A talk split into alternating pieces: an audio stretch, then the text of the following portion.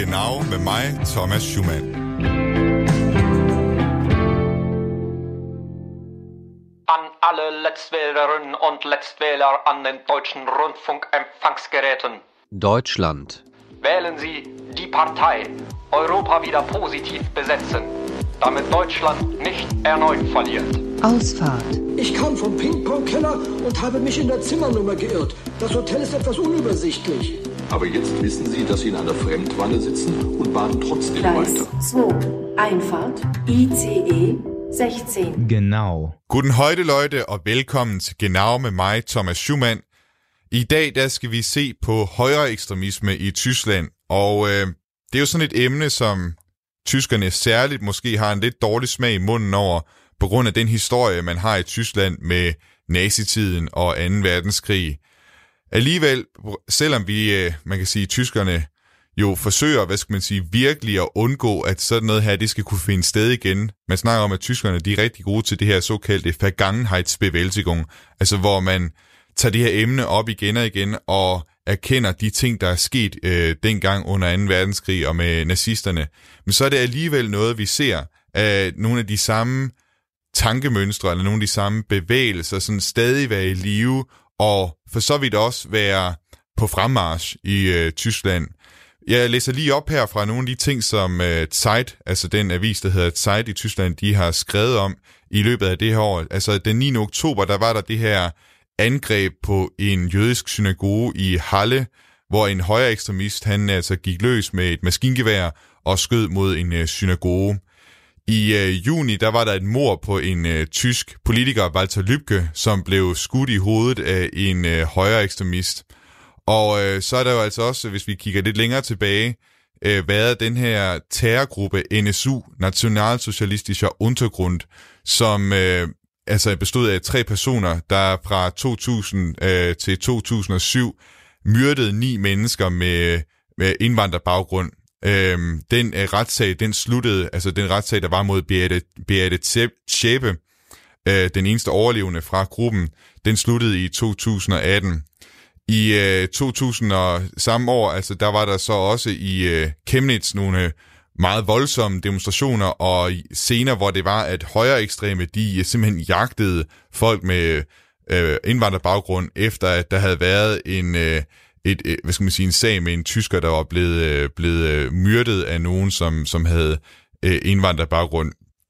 Så fordi det, det her er et emne, som fylder så meget, og som, hvor man kan snakke om, at der faktisk er en, en stigende tendens, der, der skal vi altså se på det øh, emne i dag, og hvad det er, tyskerne de gør. For de gør faktisk nogle ting, som er ret anderledes i forhold til, hvad vi er vant til i Danmark. Der er simpelthen nogle ting, som er strafbare, som vi øh, i Danmark ikke finder strafbart, men som man, på grund af den tyske historie og den, den baggrund, man har, så har man valgt at gøre de ting strafbare og overvåge nogle af de her folk, som befinder sig ude på den ekstreme højrefløj. Men før vi øh, kaster os over højere ekstremisme i Tyskland, så skal vi lige øh, runde et øh, stort, en stor historie fra Tyskland. Den helt store historie her hen over weekenden, som har med tysk storpolitik at gøre, altså politik i øh, den tyske regering. Man kan måske snakke om en krise endda. Og øh, for at komme nærmere det emne, så har jeg snakket med Lykke Friis, der jo i, i lang tid har skrevet for Berlinske nede fra Berlin, men som nu har fået job hos øh, Tænketanken Europa. Hun følger dog stadig med i Tyskland. Jeg har talt med hende om, hvad den her historie den øh, går ud på. Ja, Lykke. Ja, dag Lykke, det er Thomas her fra Radio 4. Ja, hej så. Godmorgen.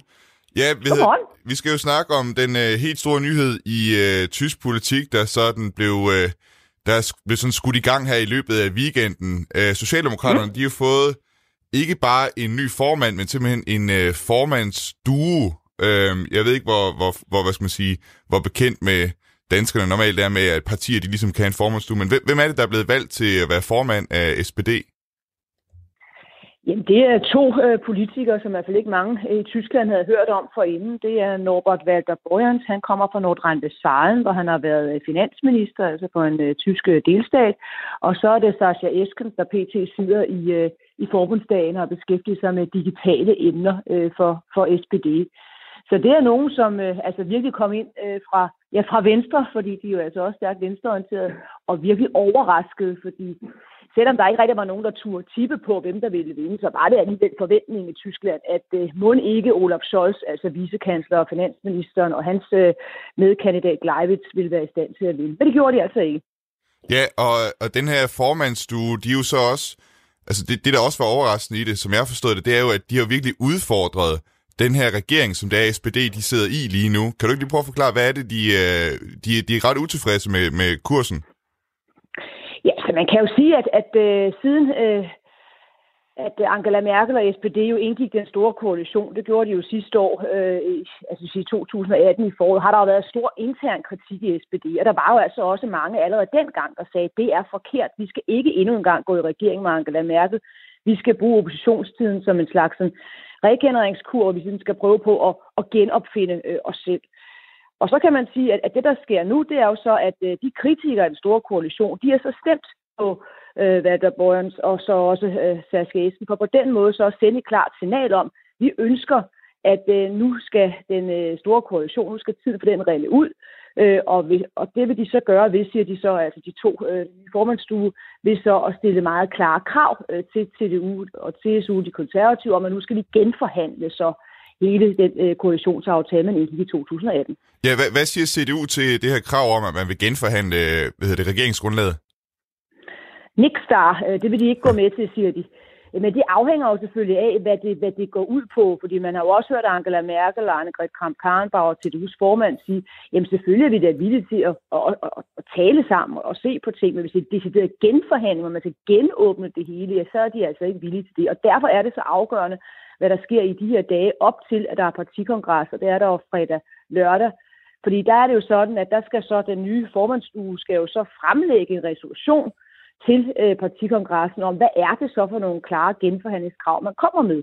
Og det er klart, hvis man skruer dem helt vildt op, for nu at sige det på, på nudansk, og kræver øh, en mindsteløn, der, der, der bliver meget høj, og, og og vil have en helt ny klimapark osv., ja, så er man jo sådan lidt også, har man jo også sendt signal om, at det, det tror man nok heller ikke på, at man selv kan komme igennem med, og så vil det jo så føre til, til at koalitionen bryder sammen. Men hvis man ligesom om fra starten af ligger, ikke sætter barn så højt, jamen øh, så kan det godt være, at man så kan komme igennem med noget. Men, men det afhænger altså også af, hvordan reagerer ja, resten af SPD, for det er jo meget splittet, for hvis man ser på formålsdagsgruppen, ja, så er de jo sådan set ikke interesseret i, at koalitionsaftalen skal ud på gulvet, og SPD skal trække sig ud af regeringen. Men mange af dem, der har stemt på den her due, de synes jo nok, at nu er det tid til at vinke farvel.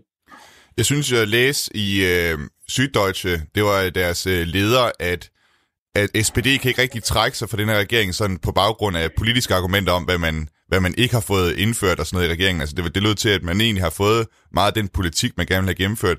Øh, set fra din stol, er det, øh, er det, hvad er det, altså kan, kan SPD sådan med rette være utilfredse over det, de, der, hvad skal man sige, de er kommet igennem med i den her regering? Ja, det er jo det, der er lidt ironisk, fordi hvis man ser på, hvad de lige kom igennem med her bare i forrige uge, jamen, så var det jo en stor pensionsreform, som jo vidderlig var, en, øh, var noget, hvor også TDU TSU gav sig mere, end man egentlig havde forventet, simpelthen fordi, at man jo også ønsker fra TDU TSU side at bevare den her øh, store koalition. Så det er rigtigt nok, altså det er lidt svært for dem bare at gå fra den ene dag til den anden. Øh, der bør, bør man have nogle argumenter, men på den anden side er der også bare en dynamik, der er svær at styre. Husk på, de mennesker nu har stemt på på Walter Borgens og Esken, de, de forventer jo også, nu sker der noget nyt. Hvis bare det er Immer og Weicker, som bare fortsætter koalitionen, som man har gjort indtil, hvorfor har man så skiftet formanden ud? Altså det, det, det, det der man nu skifter formanden, det er, jo, det er jo anden gang, man så skifter formand efter regeringsdansen. Første gang var jo fra Martin Schulz jo så til, til Andrea Nahles, øh, og så nu til den nye due. Og hvis bare politikken er den samme, så vil det jo også udløse stor frustration. Men det er altså et voldsomt stort dilemma for SPD, fordi de skal jo altså også være i stand til fortsat at ja, at bevare enigheden internt i partiet, men jo så også passe på, at de så ikke mister øh, mange vælgere, så, øh, som jeg trods alt stemmer på dem også, som ligger til højre for øh, den nye formandsstue. Man kan sige, hvis det nu havde været i en dansk kontekst, øh, vi, vi har jo ikke så mange problemer med det her med en mindretalsregering, og CDU er jo mm. største parti, og skulle nok kunne finde, altså nu, når man ser på, hvor meget SPD i forvejen er gået med til øh, at have været i regeringen, skulle nok kunne finde nogle, nogle kompromiser, hvad skal man sige, med nogle af de andre partier. Men Øh, og det vi talte om i et tidligere program her, på, øh, her i Genau også, at det her med mindretalsregeringer, det er virkelig ikke noget, som man er særlig glad for. Men jeg læste, at Friedrich Merz, altså ham, som også udfordrede Annegret øh, Kramp-Karrenbauer, altså CDU's øh, nuværende øh, forkvinde, øh, altså han, øh, han var nu i gang med at tale om, at man kunne godt lave en mindretalsregering. Hvordan, hvordan ser du den mulighed?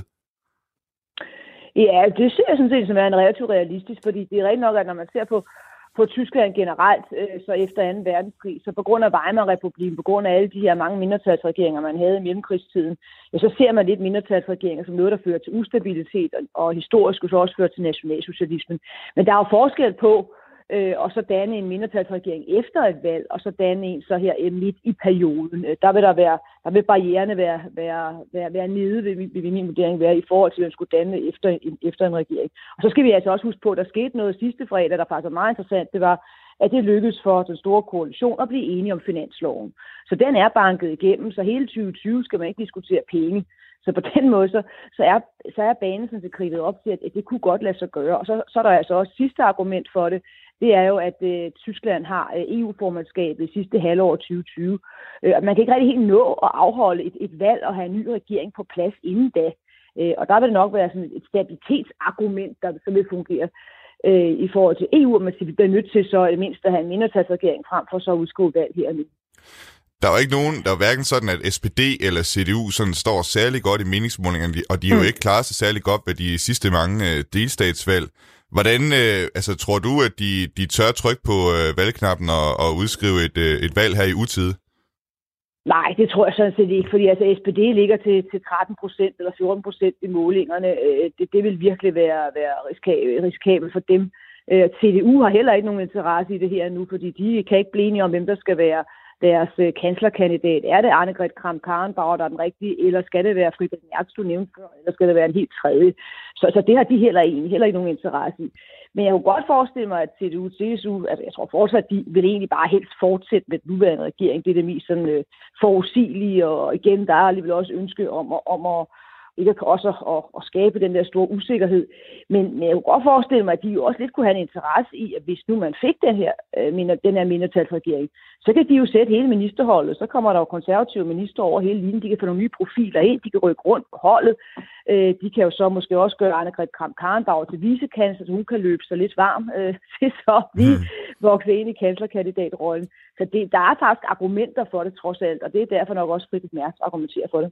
Hvad med i uh, hos SPD? Ved man der, hvem af Walter Borjans og Esken, der skulle uh, være kansler, hvis det er, at de går hen og vinder, vinder regeringsmagten? det er et godt spørgsmål, øh, fordi de har faktisk antydet, at øh, SPD slet ikke skal stille med nogen kanslerkandidat, fordi man ligger så langt nede i målingerne. Øh, om det så er noget, man så siger, øh, når man så stiller op, måske også lidt som en provokation, eller om det er noget, man så fastholder, når man selv er blevet formand, det skal jeg simpelthen ikke kunne sige. Men, men det er jo rigtig når man ser på målingerne, så er det jo ikke det mest sandsynlige, for, for, ikke, at sige, for ikke at sige det er fuldstændig usandsynligt, at SPD kan, kan få cancerposten efterfølgende. Hvis de overhovedet skal komme i regering, så vil det jo være med de grønne og med de linke. Og så ser på målingerne i øjeblikket, så er de grønne jo langt, langt, langt, langt foran SPD. Så det bliver lidt interessant at se, om de så øh, om de vælger en, en, en kanslerkandidat. I princippet kunne I også godt vælge en helt tredje. Øh, den mulighed er der i Tyskland. Der er ikke nogen forbindelse nødvendigvis mellem at være formand og være kanslerkandidat på et parti. Lige her kort til sidst, det der med, at de har en formandsstue i SPD, er det normalt i tysk politik? Nej, det er helt nyt for, for SPD, øh, men de har jo her lavet sig inspirere af de grønne, som jo har indført og haft stor succes med at have en kvinde og en mand, altså Robert Harbeck og Annalena Baerbock. Øh, så, så, så det har været, inspirationen kommer derfra, så må vi se, hvordan det så kommer til at fungere i praksis for SPD, og man kan, kan, kan overtage den succes, som de grønne har haft. Lykke, du skal tak, fordi du lige var med her. Der kom lige noget lyd med ind øh, hvad hedder det, fra, fra mit program her lige kort, men øh, det håber jeg, det får ud igen. Tak, fordi du øh, lige vil ja, være med. det var så lidt. Ja, ha' det godt. Ja, ha' det godt. Hej. Radio 4 taler med Danmark.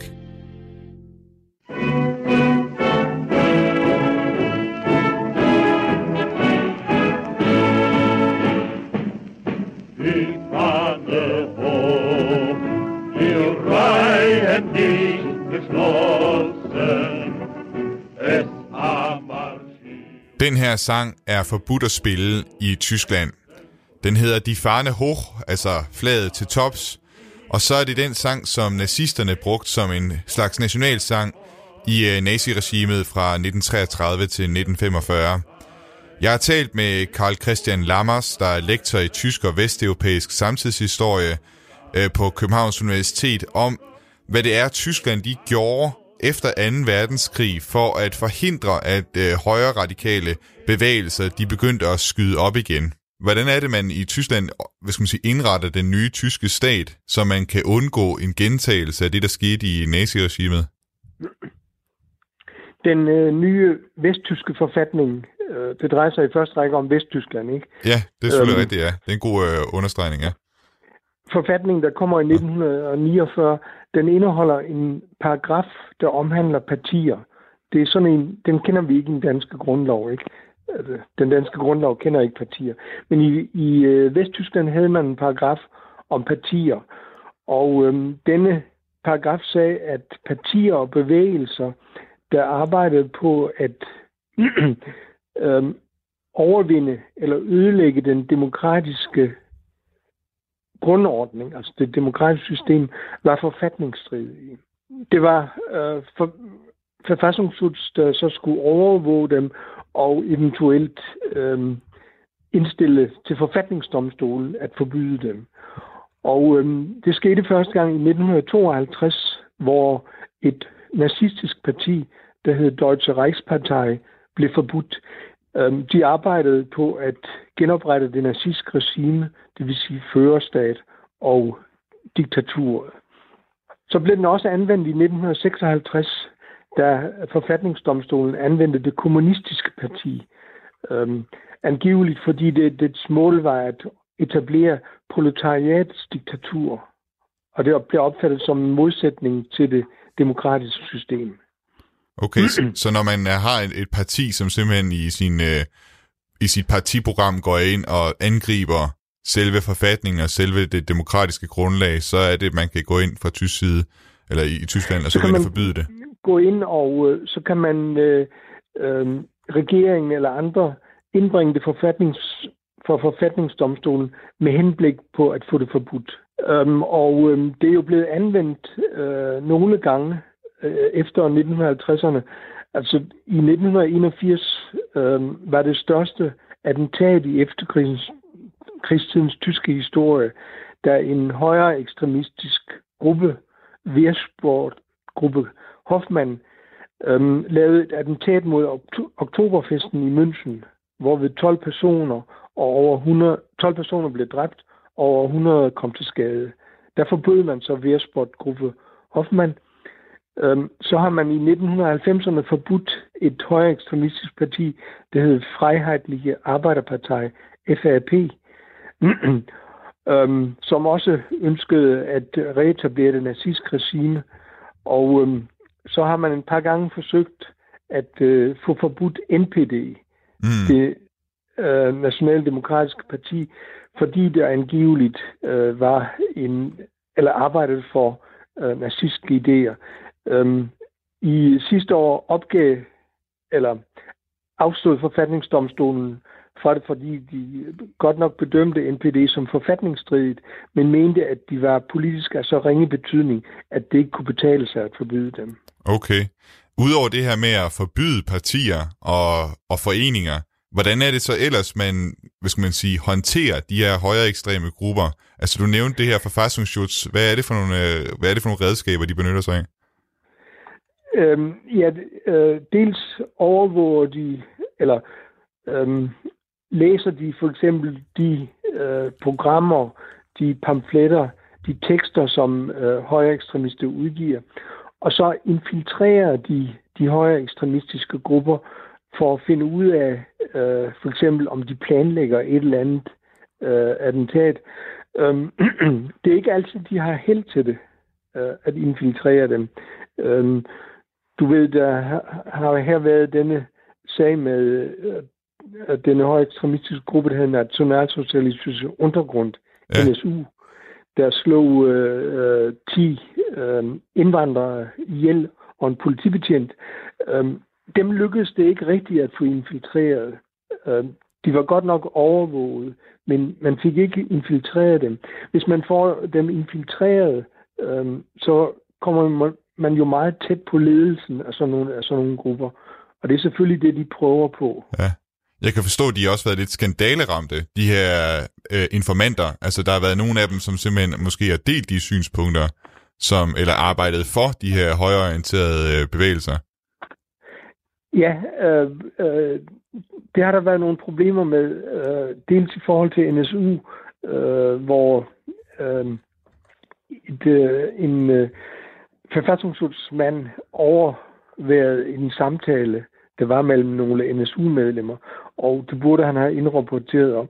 Og så øh, ved man, at jeg kan ikke huske præcis, hvilken gruppering det er, øh, men hvor øh, forfatningsuds fortravnsmand, altså tillidsmand i gruppen, var nødt til at gå i spidsen for en aktion for at fastslå sin troværdighed i gruppen. Mm. Det, det er jo et problem for de øh, øh, infiltrerede, at øh, de for de øvrige skal fremstå som troværdige. Mm. Og det kan der under tiden være nogle øh, problemer med.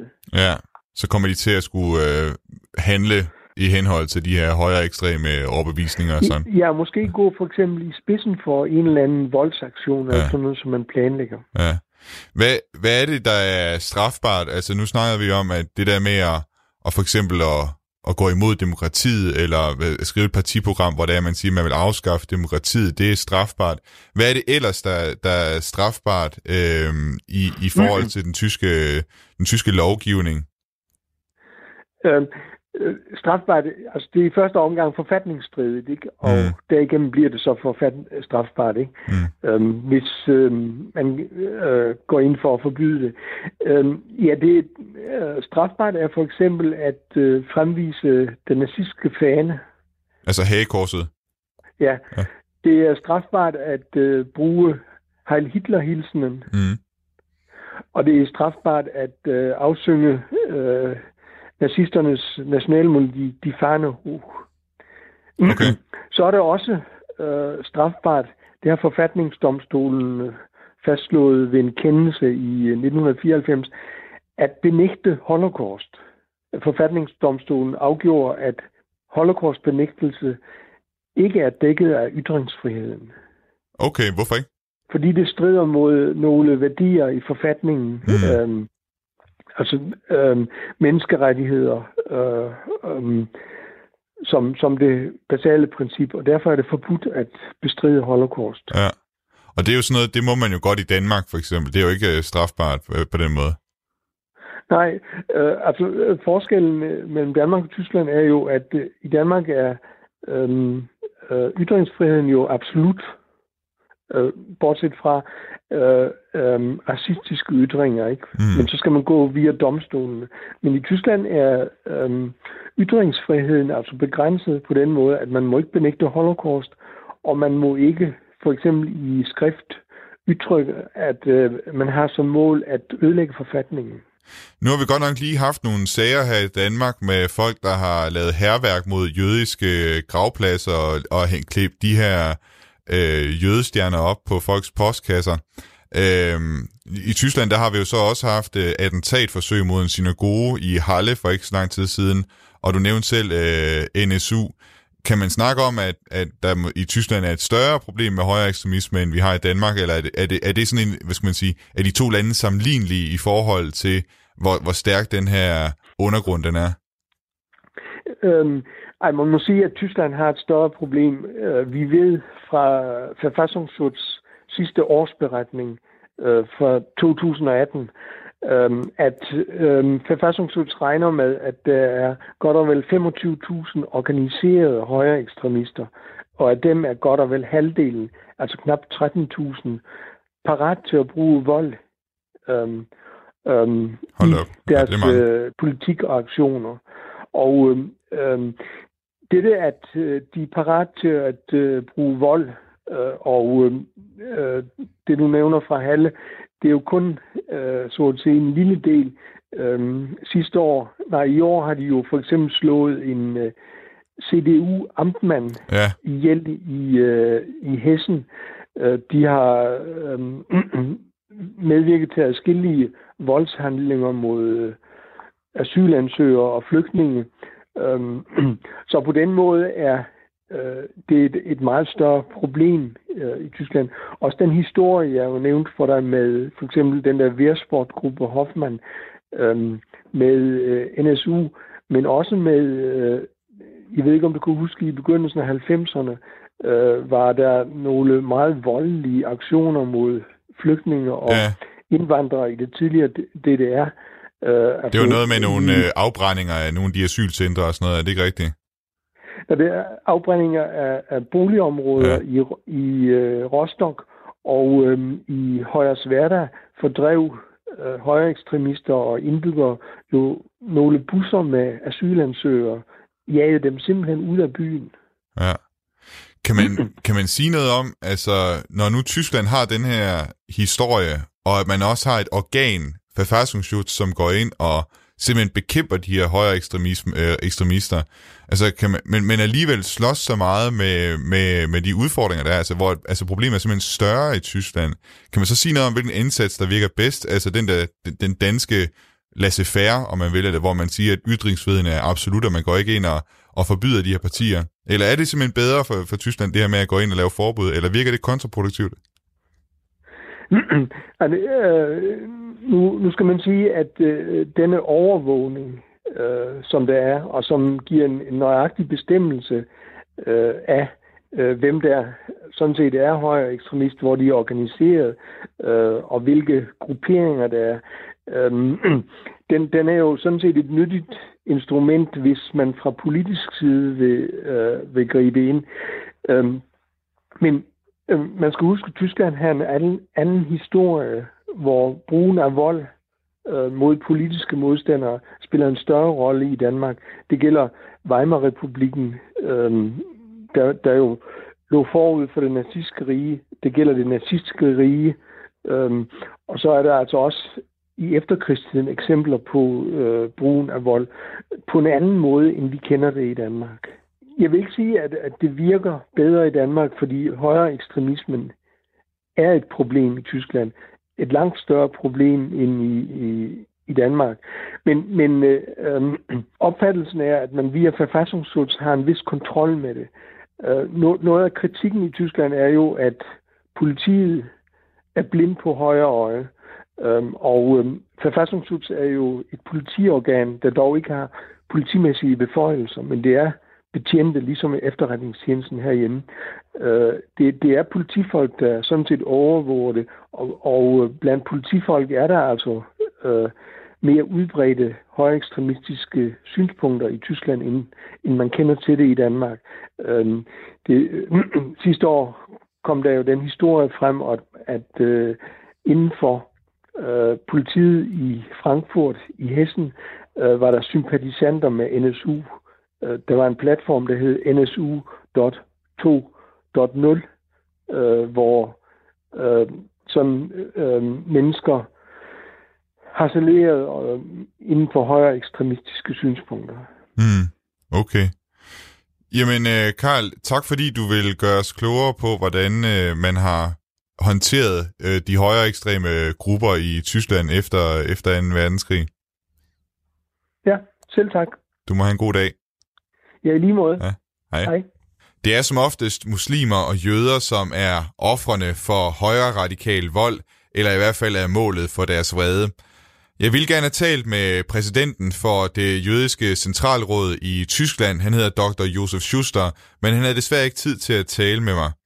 Til gengæld så fik jeg fat i formanden for det øh, centralrådet for muslimer i Tyskland, Ayman A. Maciek, som jeg spurgte, om de som øh, muslimer føler sig sikre med den her fremmars, der er blandt højre radikale i Tyskland. Wie, wie, wie fühlt ihr euch? Fühlt ihr euch sicher in Deutschland, äh, da, da zu leben, also mit, die, mit, die, mit, äh, mit diesen rechtsextremistischen Gruppen, die es gibt? Also wir sind äh, deutsche Staatsbürger und wir sind stolz auf unser Land. Wir haben eine... Ayman A. Maciek, han starter med at sige, at øh, altså, de er tyske statsborgere, de er stolte over øh, det land, de bor i. Det er et øh, fungerende demokrati, der er frihed og der er fred. Men der er også problemer, og øh, de problemer, de har været der længe. Altså, det er jo problemer med racisme, antisemitisme og had mod muslimer. Og det, som øh, Ayman her han fremhæver, det er, at det vigtigste er ikke at feje det her ind under gulvtæppet, men at bekæmpe og øh, påtale problemerne med racisme, antisemitisme og had mod øh, muslimer åbent. Han, øh, da jeg talte med ham, der var han lige kommet øh, fra et møde med Bundeskriminalamt, altså forbundspolitiet, øh, eller øh, forbundskriminalamtet, øh, Øhm, og på det møde, der blev der fremlagt tal, som viste, at man fra myndighedernes side øh, virkelig har undervurderet, hvor stort et problem det her er med højre radikalisme, og hvor meget det har, det har vokset. Erschreckend deutlich machen, dass man bisher das Thema Rechtsextremismus unterschätzt hat. Jeg spurgte ham også, øh, i hvilken retning han ser udviklingen gå, altså om, det her, det, om han også føler, at det her det er en tendens, der er på vej i den øh, gale retning. Also ich befürchte, dass wir tatsächlich noch nicht die Talsohle erreicht haben. Dass Eimann, han frygter, at man endnu ikke har set, øh, hvad skal man sige, tallet nå sit højeste punkt. Altså han frygter simpelthen, at der kommer flere anslag, angreb mod moskéer og flere overfald øh, på muslimer. Og han siger, at det har igen noget at gøre med, hvordan man har undervurderet det her øh, problem. Altså det er simpelthen blevet mere almindeligt, at folk de kan, i et mindretal godt nok af tyskerne, men ikke, men ikke et ubetragteligt mindretal, kan ytre sig racistisk og kan, kan komme med hadfulde budskaber. Og derfor så siger Ejman, at det, det, der ligesom kræves, det er, at man fra både myndigheders sider, for offentlige institutioners side, altså fra hele samfundet, begynder at tage mere afstand, mere åbent, altså påtaler det her, når det er, at man møder det. Han siger, at hvis man tiger, så er man med til at give de her mennesker muligheden for at ødelægge Tyskland. Altså man er med til at give de højre radikale muligheden for at ødelægge Tyskland. Dass sie nicht mehr schweigen kann. Sie muss aufstehen. Sie muss deutlich machen, für was sie steht. Schweigen ist ein äh, sehr gefährliche äh, Mittel, letztendlich, dass eine kleine radikale Minderheit diese Zerstörung unseres Landes vorantreibt. Sehr gut, Herr Maciek. Vielen Dank, dass Sie äh, dabei waren und äh, mit mir reden wollten. Gerne. Ich habe äh, mich gefreut und alles Gute. Du lytter til Genau med mig, Thomas Schumann. De her højre radikale bevægelser, de kommer i mange former. Øh, der findes både de såkaldte Reichsbürger i Tyskland, som ikke anerkender den øh, tyske stat efter 1945. De mener simpelthen, at den tyske stat, øh, som den er nu, det er en virksomhed, og de lever altså som om, at det stadig var kejsertiden. Der findes øh, de her nazi-koncerter, øh, nazi-rockgrupper, som samler penge ind til for eksempel de her NSU, Nationalsocialistische Undergrund. Og så findes der en øh, forholdsvis ny bevægelse, de øh, identitære, som er lidt sværere at sådan helt blive kloge på, hvor langt ude på højrefløjen de rent faktisk befinder sig. Det er en bevægelse primært for unge. I april udkom der en øh, bog af journalisten Rasmus Hav Dalland, øh, der hedder Identitær, en rejse ind i Europas nye højre.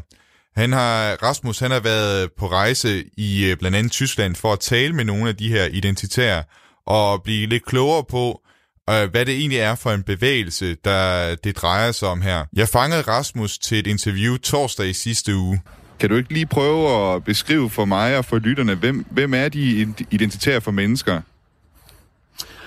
Jamen, de identitære, eller den identitære bevægelse er en, øh, en øh, aktivistisk øh, ungdomsbevægelse, som findes i mange øh, europæiske lande, startede i Frankrig i 2012 og spredt sig siden til en række europæiske lande, hvor at øh, de så har afdelinger. Så det er der er tale om en, en øh, sådan fælles bevægelse, der eksisterer i mange forskellige europæiske lande. Og grundlæggende i den identitære bevægelse, så er, øh, så udmærker de sig ved at have et, et anderledes image i forhold til øh, de her øh, øh, højere ekstreme højre radikale eller højre bevægelser, man, man, man, øh, man, man ellers måske ser poppe op i Europa. De er sådan almindelige øh, unge mennesker. Øh, de ser ordentlige ud. Øh, de laver øh, sådan ikke voldelig øh, aktivisme, som man måske kunne altså, hvor de måske henter inspiration fra sådan venstreorienterede grupperinger som Greenpeace, og så laver de her øh, chok-aktioner øh, og bannerdrop og den slags ting. Så det er deres, ligesom, deres metode.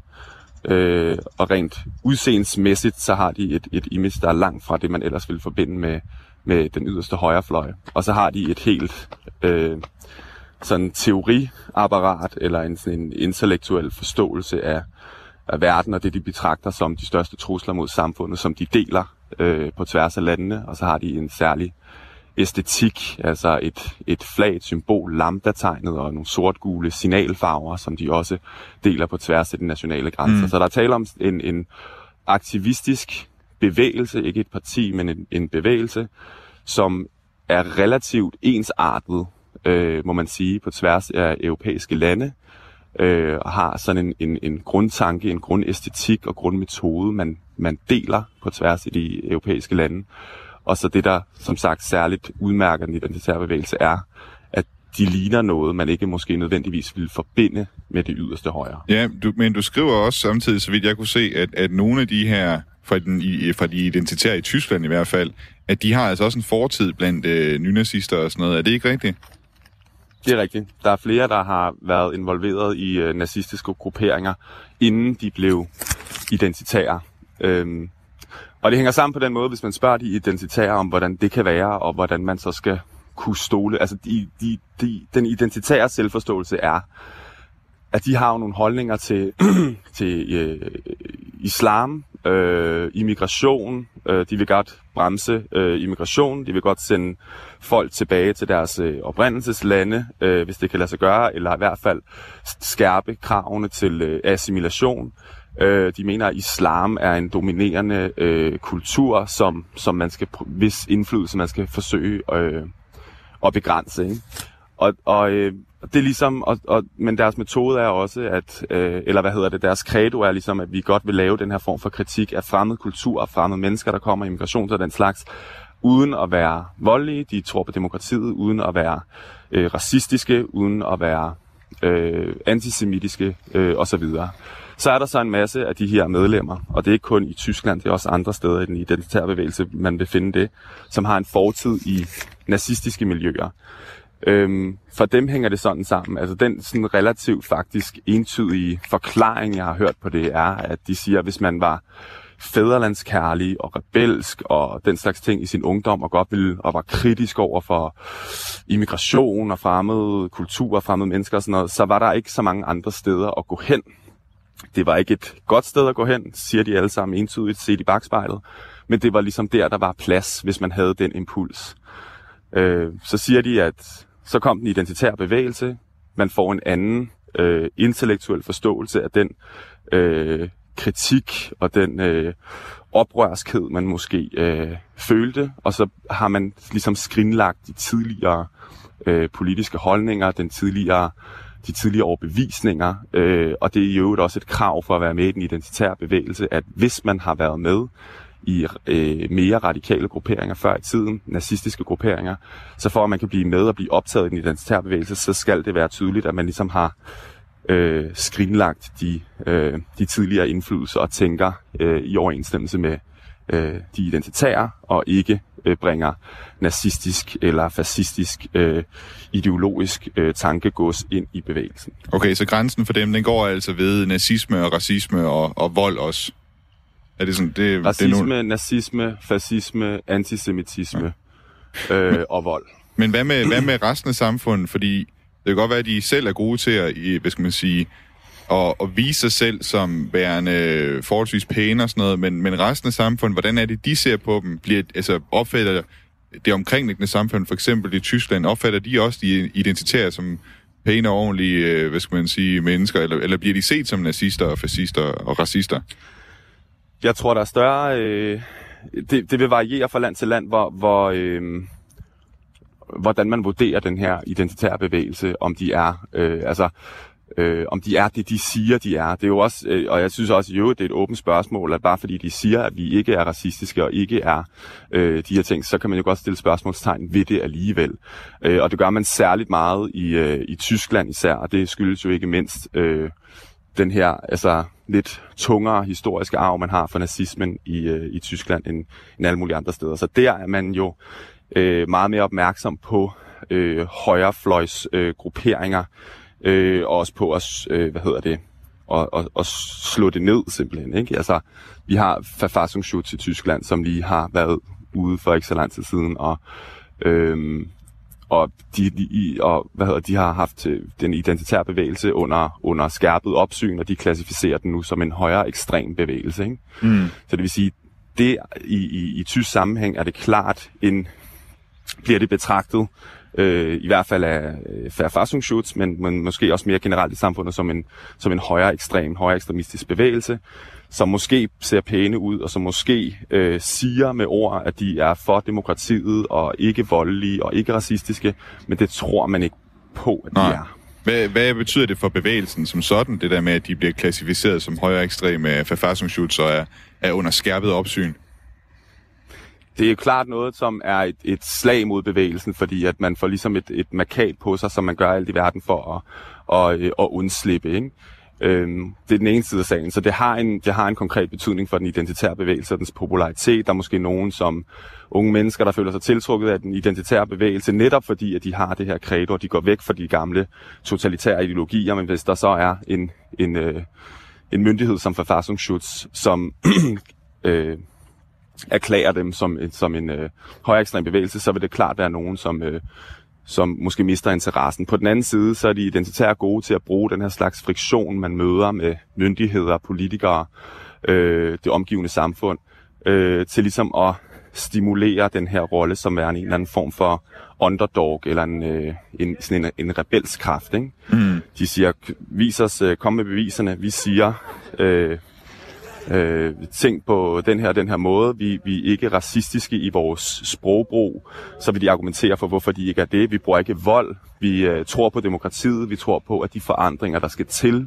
i deres egen optik, skal komme gennem øh, øh, demokratiet. Øh, og hele samfundet er imod os, og Ja. man må åbenbart ikke have en, en fædrelands øh, kærlig rolle, eller man må ikke kritisere immigration, eller må ikke kritisere ja. islam, og hvis du gør det, så er du per definition højere ekstrem. Det er sådan, de vil prøve at vende den slags modstand, de møder, og Ja. det kan også godt virke, måske, i nogle Ja. sammenhænge. Nu, nu siger, altså, du siger, det kan være lidt svært at finde ud af, i forhold til, hvad de siger, og, og hvad de så måske egentlig er af, af for en bevægelse, om de er en højere radikal bevægelse, eller om de måske i virkeligheden er en afradikalisering af øh, nogle elementer ude på højrefløjen. Hvad mener du selv?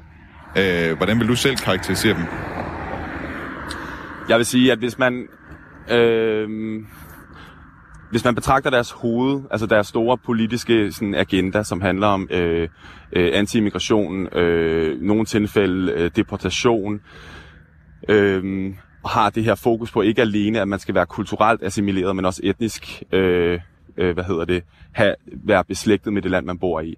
Så vil jeg sige, så er der ikke nogen tvivl om, at på de spørgsmål, som jo er der store spørgsmål, så er de jo i en yderpotens øh, øh, på den yderste højrefløj, og også uden for, hvad vi måske i Danmark vil, øh, vil sige, er øh, det sådan, øh, øh, hvad hedder det, det, det parlamentariske politiske system. Ikke? Der har de radikale holdninger i den sammenhæng.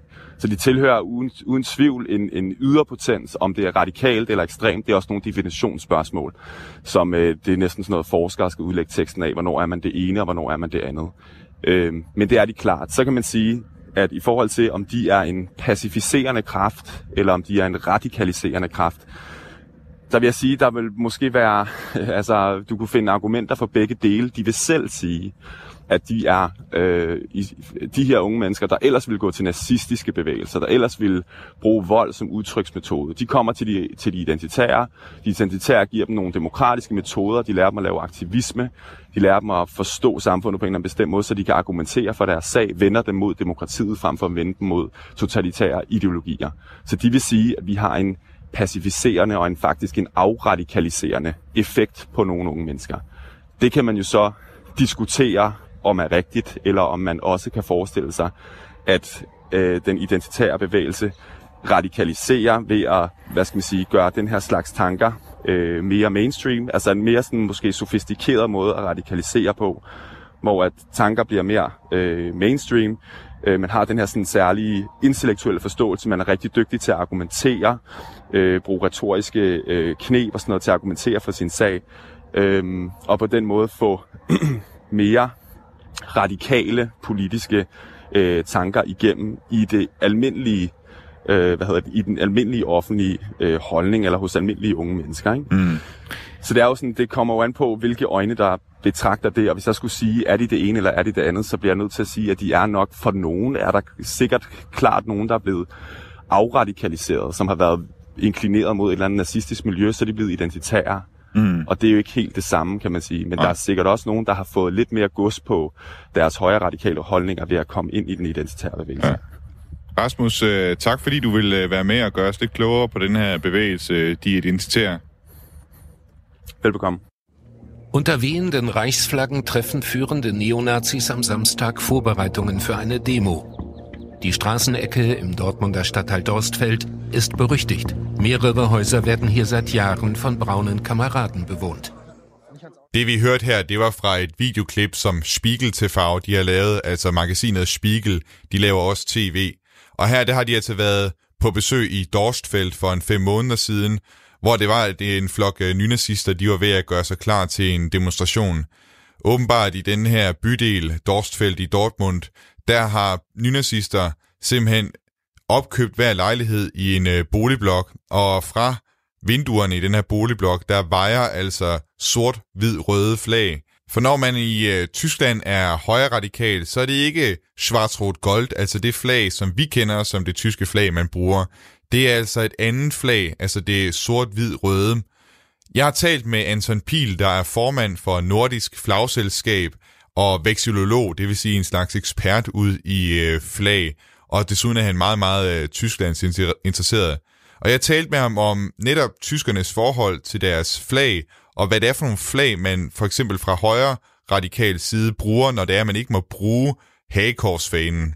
Altså jeg tror, når man øh, har lyttet til det øh, program her, øh, og nu er vi ved at være ved vejs ende, så vil de fleste nok kunne konstatere, at tyskerne har sådan lidt anstrengt øh, forhold til, hvad skal man sige, nationalfølelse og sådan noget.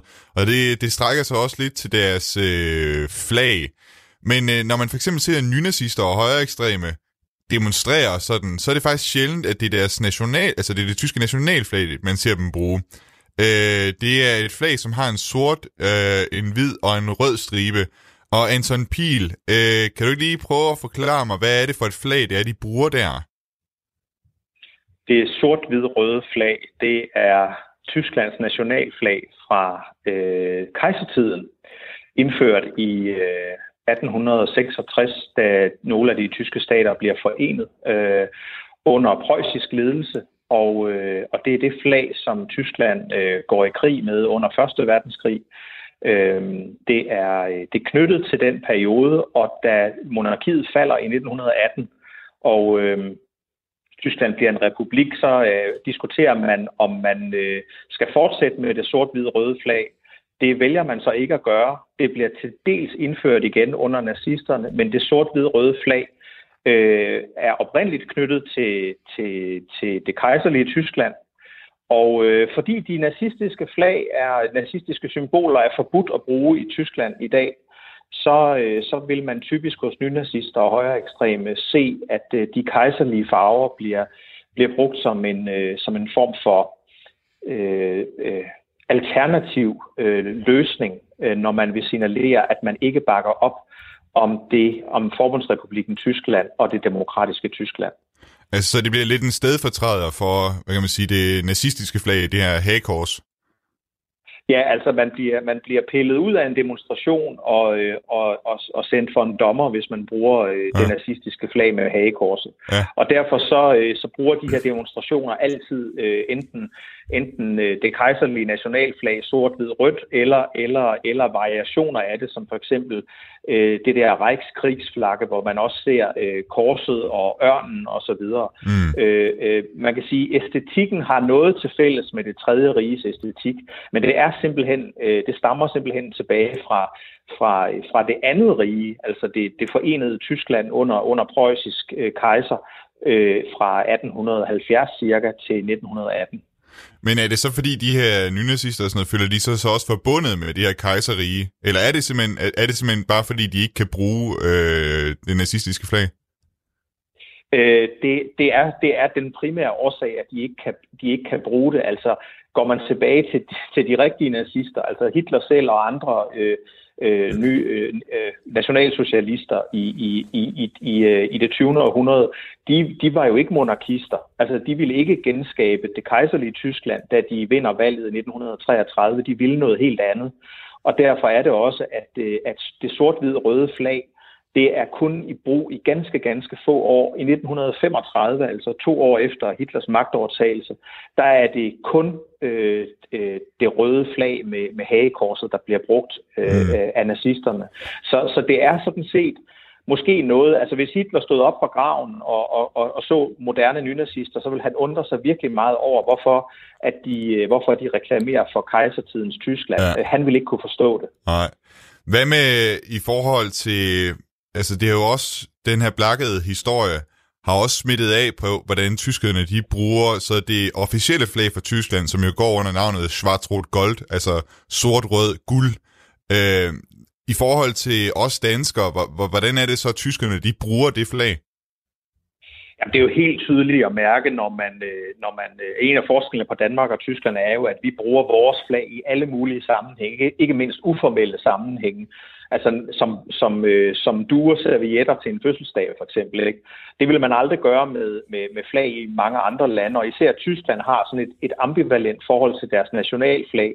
Øh, de bruger det meget sådan i officielle sammenhænge, hvor man, øh, hvor man øh, øh, spiller nationalmelodien og hejser flaget osv., men den almindelige befolkning har i mange, mange årtier ikke brugt flaget sådan, øh, så, med så meget patos og kærlighed og, og uformelt, som vi, som vi gør i Danmark. Der skete dog lidt en forandring i, øh, i øh, 2006, da der var øh, fodboldverdensmesterskaber i Tyskland, hvor man pludselig opdagede, øh, at man kunne vise sin fodboldglæde og sit sit patriotiske sindelag i, i turneringen der ved, at det bruge det tyske flag på altaner og fra bilruder og alt muligt.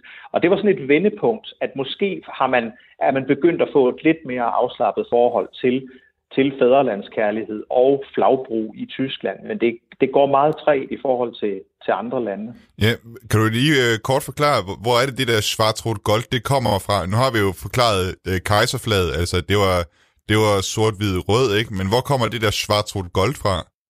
Ja, det er jo faktisk ældre. Det er jo det, der er så ironisk, at det, det erstatter det sort-hvid-røde flag øh, i Weimar-republiken efter 1918. Men det er i virkeligheden ældre end sort-hvid-rød, fordi øh, sort-rød, gylden, schwarz-rot gold stammer helt tilbage fra 1848, hvor... Øh, hvor en, øh, en demokratisk bevægelse øh, øh, brød ud, og man lavede parlamentet i Frankfurt osv.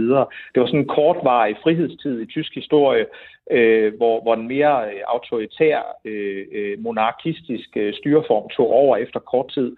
Men i, i den her korte periode i 1848, til 50, der brugte man sort, øh, rød, gylden som et tysk nationalsymbol. Farverne stammer fra det tyske rigsvåben, som er en sort ørn på gylden baggrund med rød næb og røde klør. Mm-hmm. Og øh, farverne var første gang blevet brugt under Napoleonskrigen, hvor, øh, hvor det var et udtryk for øh, antifransk øh, stemning øh, der i krigen med Napoleon og Frankrig. Okay, og kan du kort forklare, hvor, hvor er det, at sort-hvid-rød det kommer fra? Hvad er forhistorien til det? Altså, det bliver selvfølgelig sat i forbindelse med kejseren, men hvad, hvordan er det, det opstår, det flag? Ja, altså man, man får det behov, øh, at man skal, have nogle, man skal have nogle nye flag til søs, fordi det forenede Tyskland har ikke et, øh, et, øh, et handelsflag, man kan bruge på, på handelsflåden, ligesom for eksempel britterne og franskmændene har. Så man, man laver et nyt flag der i 1860'erne, som er sammensat af de sort-hvid farver fra Preussen, og de rød-hvide farver fra Hansestederne, altså Hamburg, Lübeck og Bremen med flere, øh, som tilbage fra middelalderen har brugt de farver. Og det vil sige, at man, man, man, man laver et øh, flag, som først og fremmest skal bruges til søs. Sidenhen bliver det også almindeligt at bruge i land. Og, og det flag, det er inspireret af både de der stolte tyske øh, søfartsbyer, og så øh, det preussiske kongehus. Øh, Hohenzollern-slægtens farver var tilbage fra middelalderen, sort og hvidt. Anton, tak fordi du vil dele øh, med os øh, din viden om øh, flag. Det er meget, meget interessant. Selv tak. Ja, må det godt. Hej. Og dermed kom vi altså igennem programmet for i dag. I vores øh, næste udsendelse, der kommer det til at handle om det, som Lykke Friis, hun taler om til begyndelsen med her i programmet, altså om situationen i den øh, tyske regering for tiden, nu hvor det er, at SPD har fået øh, ny formandsstue, som egentlig gerne øh, helst så, at øh, SPD de trak sig ud af regeringen. Hvis du har spørgsmål, rettelser eller kommentarer eller andet, du gerne vil sende til Genau, så kan du gøre det på genau radio4.dk. Det her program det er lavet af mig, Thomas Schumann og Jeppe Rets Husted, som også arbejder her på Radio 4. Og øh, vi høres ved igen på øh, tirsdag i næste uge kl. 13.05. Indtil da, grys godt og fil spars.